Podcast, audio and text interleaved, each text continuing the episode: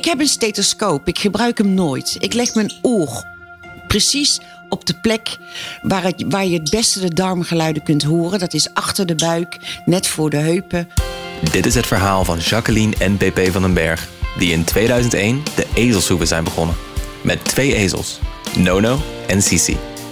Al snel werden ze in 2005 een stichting. En sindsdien hebben ze meer dan 400 ezels opgevangen. In deze podcast kun je ze op de voet volgen. Wij zijn natuurlijk langzaam zeker een, een gespecialiseerd ezelbedrijf. En waarom is dat bijzonder? Omdat er maar heel weinig zijn. In heel Europa eigenlijk zijn die er bijna niet. Maar omdat wij al zoveel ezels hebben opgevangen en zoveel problematieken hebben meegemaakt, zowel met ezels die hier staan als met al, al de ezels die in ons bestand staan, dus, dus alle 400 ezels eigenlijk, hebben wij eigenlijk elk probleem wat zich voordoet, hebben wij al meermaals meegemaakt. En, en de beste manier om te leren is natuurlijk door zelf te ervaren. En elk probleem hebben we eigenlijk een beetje zelf ervaren. Ja, ja. En daardoor uh, hebben wij een enorme kennis. Dus nee, wij opereren niet. Maar van de andere kant, we hebben zoveel castraties gedaan dat we het bijna zouden kunnen. Nee, maar dat doen we natuurlijk niet. Maar dat doet de dierenarts. Met name het gedrag en het zien.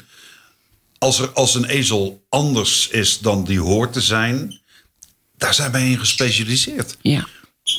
Wij, wij, wij, wij kijken naar de ezel. En wij kijken op een andere manier natuurlijk dan bijvoorbeeld een dierenarts. Een dierenarts die heeft. Uh, die, die kijkt naar een ezel en gaat meteen luisteren naar een buik. En, en, en ja, gaat, dat zijn momentopnames dat zijn momentopnames. van een dier wat hij niet kent. Wat hij Juist, nooit en wat wij heeft. doen is wij gaan, wij gaan een dier observeren. Dus wij, wij kijken hoe loop jij? Hoe staan jouw oren? Wat doet jouw buik? Hoe is jouw rug? Staat die bol? Heb je buikpijn? Uh, klemt je staartje? Dan heb je ook buikpijn. Ja. Dan voel je je echt niet lekker. Hoe staan jouw oren? Staan ze rechtop naar voren? Ben je nieuwsgierig? Hangen ze een beetje zo opzij en sta jij een beetje achteraf in een hoekje, dan weet je al, er is iets aan de hand met dit dier. Die voelt zich niet lekker. Ja. Ik, heb geen, ik heb een stethoscoop, ik gebruik hem nooit. Ik Nee. leg mijn oor precies op de plek waar, het, waar je het beste de darmgeluiden kunt horen. Dat is achter de buik, net voor de heupen. Dan kan je je oor daarop leggen en dan, dan hoor je darmgeluiden. En darmgeluiden moeten donker rommelend zijn.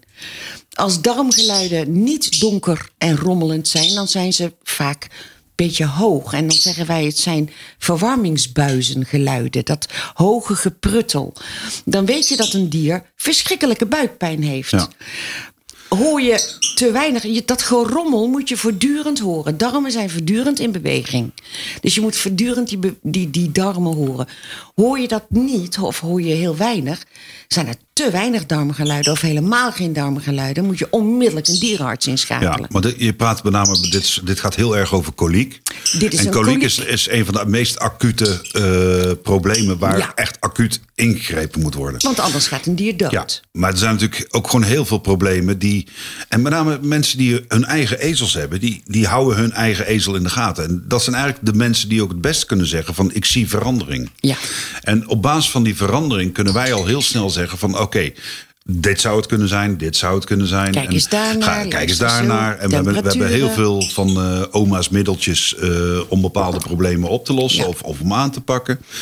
Maar het gevolg is dat, dat klinieken, dus eh, als mensen met ezelvragen komen, niet zijnde een operatie. Maar heel veel klinieken verwijzen nu tegenwoordig gewoon naar ons. Ga daar eens vragen, want die weten meer van dat soort symptomen en ezelgedrag. Nou, het, het meest schijnende vond ik eigenlijk wel Ja. eh, dat ik een, eh, een filmpje doorgestuurd kreeg van een ezeleigenaar. Die een ezelin had, die dus vreemd gedrag had. Zij had alleen maar ruinen, dus gecastreerde jongens. En had nu sinds kort een ezelin. En die had ander gedrag dan zij zag. En ze heeft er een dierenarts bij gehaald. En de dierenarts die heeft ernaar gekeken. Die heeft alles afgeluisterd. En die dacht, die dacht aan een darmobstructie. En aan een ernstige blaasontsteking. Omdat het de ezelin hele kleine melkachtige plasjes deed. En ze zegt, de dierenarts die raadt mij aan om naar de kliniek te brengen... om hem, om hem te laten opereren aan, aan de darmobstructie. Er is iets in die buik niet oké. En toen kreeg ik dat filmpje gestuurd. Ja, sorry, ik heb eerst even heel hard gelachen. En toegehuild. En toen gehuild om de dierenarts Ja. dat hij dat niet gezien heeft. Want deze ezelin was hengstig. Gewoon alleen maar. Alleen hengstig. maar hengstig. Hengstigheid betekent dat ze één keer in de drie weken krijgen ze dat. Dat betekent dat ze dus heel erg vruchtbaar zijn. En dat zij kwam net bij die ruinen. Dus ze ruikt jongens.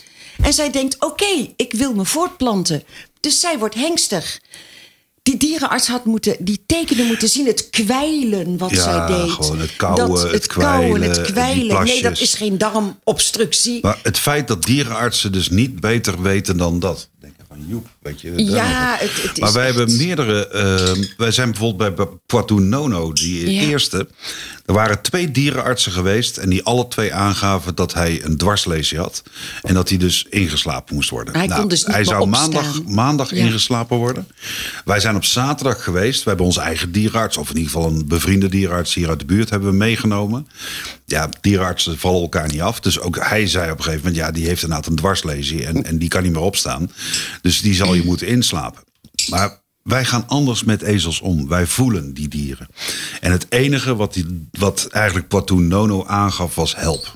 Help mij. me, help me. En Ja. die gaf op zo'n duidelijke manier aan van ik ben nog, ik ben niet zo erg, ik ben niet zo Ik slecht dat ik dood, dood. moet. Nee. Ja, help mij. Dus wat wij hebben gedaan is, wij hebben gewoon shorebanden gepakt en toen de dierenarts weg was, hebben wij gezegd van, oké, of we gaan je heel erg pijn doen nu, maar dat maakt niet uit, want over twee dagen word je doodgemaakt.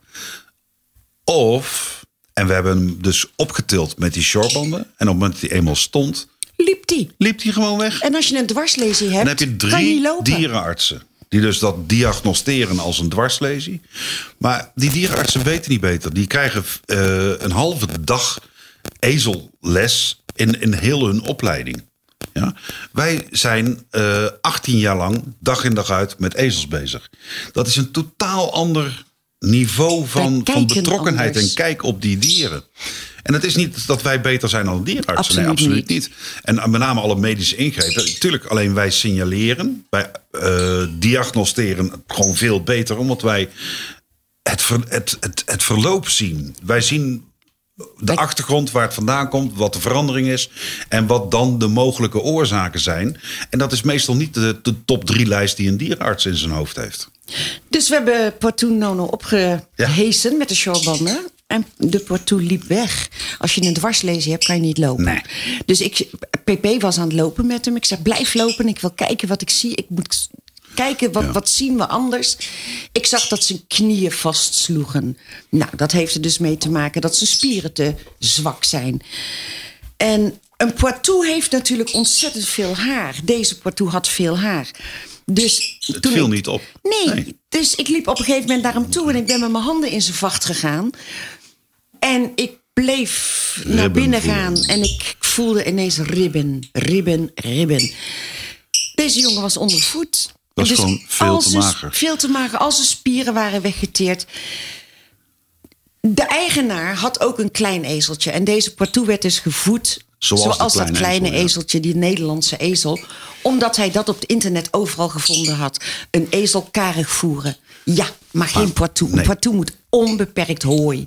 Die moet eten, eten, eten. Want het is een snelverbrander. Is het, het is een Een heel energieslurper. ander dier. En een totaal, totaal niet te andere vergelijken. voeding. Maar dat- als je dat niet weet en als je inderdaad, Ja. je denkt het goed te doen. Je en met name met die dikke vacht heb je dat in Ja. eerste instantie nog niet eens door. Ja. Dat die dus wat makerder is geworden. Maar het was gewoon een gebrek aan bespiering. En wij zijn Maar nog- omdat wij natuurlijk geen dierenartsen zijn, hebben we gezegd: Nou, wij willen deze jongen wel eh, naar de kliniek brengen. Zij moeten eerst al het bloed onder gaan, gaan onderzoeken en kijken wat er mis is. En ook zei ik, na drie dagen kregen we daarvan de uitslag dat het dus eh, inderdaad ondervoeding was. Er was verder niks mis met hem. Wij hebben hem mee naar ons genomen. Ja, en We gewoon hebben elke dag opgehaald. helpen opstaan. Ja. En En iedere dag geholpen, een goed voedingsschema. We zijn eh, minuutjes met hem gaan lopen als hij Ja. eenmaal kon lopen, als hij opstond.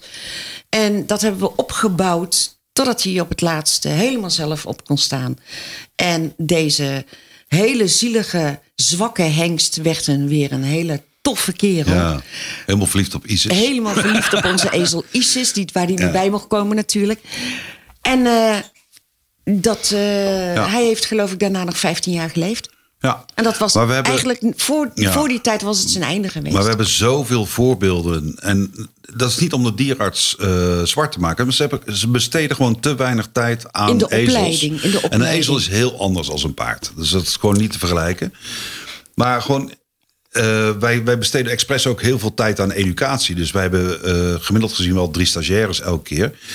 En wij, wij betrekken die bij alles. Dus van de hoefsmid tot de dierenarts tot Tandarts. tandarts. Alles betrekken wij bij. Omdat we aan niet alleen die drie stagiaires dan wat leren. Maar dat gaat vanzelf ook met hun mee in school. En dan wordt daar weer over gesproken. Gewoon om te zorgen dat die kennis over Ja. ezels verspreid wordt. Want er is eigenlijk geen plek in, in Europa waar je zoveel kennis over ezels kan opdoen. En overal, ja, waar je zoveel kan leren eigenlijk, als, als hier. Want niet alleen wij, maar ook onze vrijwilligers. Die hebben zo verschrikkelijk veel st- verstand gekregen van ezels en met name ezelgedrag of afwijkend gedrag. Ja, dat, dat kan je nergens anders leren. Gelukkig, nog, gelukkig is het nu wel in, eh, in Utrecht zo dat zij een speciaal Ja, eh, die app. Opleiding. Nee, nee, nee. nee. Oh, zij, hebben een, eh, zij kunnen kiezen voor een stuk ezelopleiding. Oh, oké, daar en zijn we heel is blij mee, geweldig. ja. Daar zijn we echt heel blij mee. Dat is al een paar jaar nu. En ja, dat is hartstikke top. Studenten daarvan komen Ja. ook ieder jaar hier naartoe Ja. om een stukje kennis op te doen. Omdat zij dan een opdracht krijgen, bijvoorbeeld de pijn-app.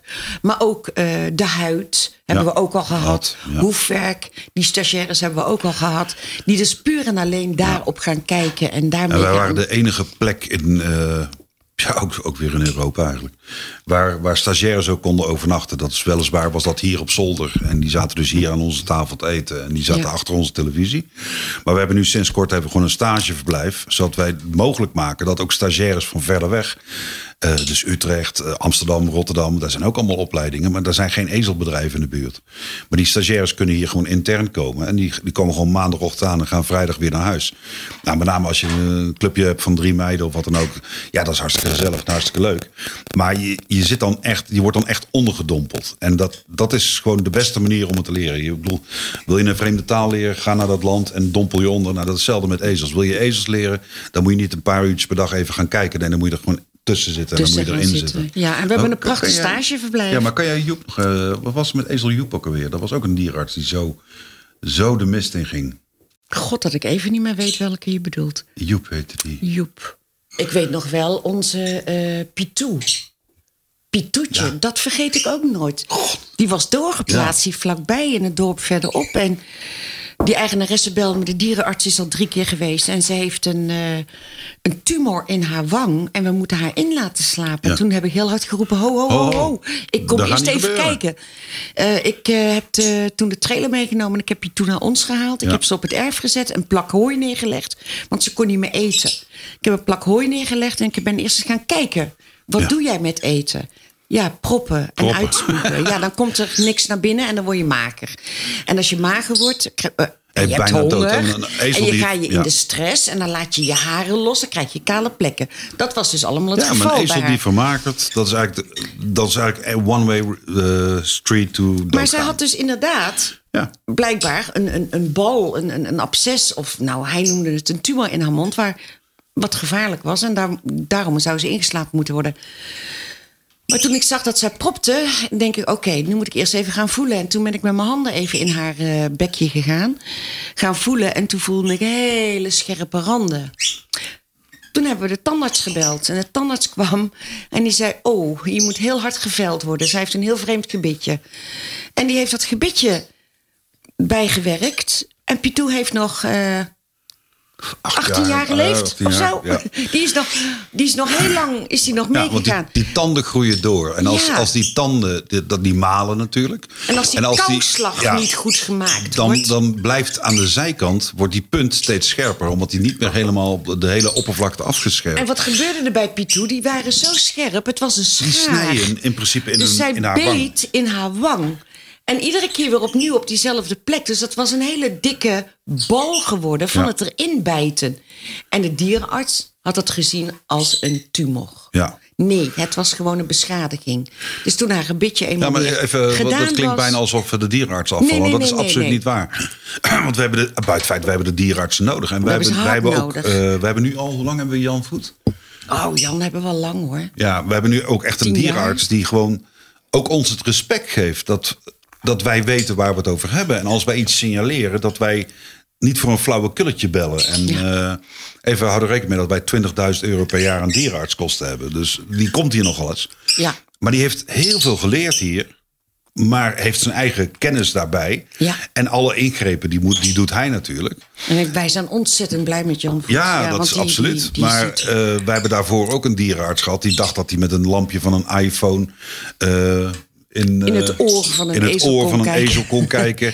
En zegt, ja, ik, eh, ik zie niks bijzonders. Nee, eikel. En dan Eh, moesten zo we- werkt dat ook niet. En, en of ik dan even 80 euro wilde Ja, afrekenen. en ook dan nog een keer. Nee. nou, dat doen we niet. Dat gaan we niet doen. dat doen we niet.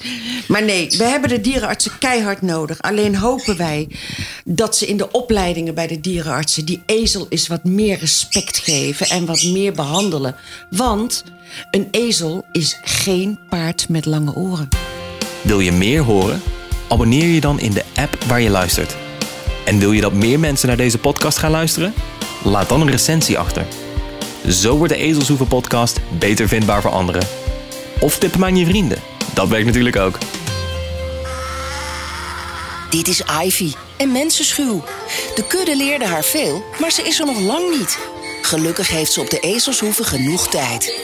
Wil je haar adopteren? Ga naar ezelshoeve.nl en adopteer een ezel voor maar 5 euro per maand. Stichting De Ezelshoeve is een 100% vrijwilligersorganisatie. Dus al het geld gaat naar de ezeltjes.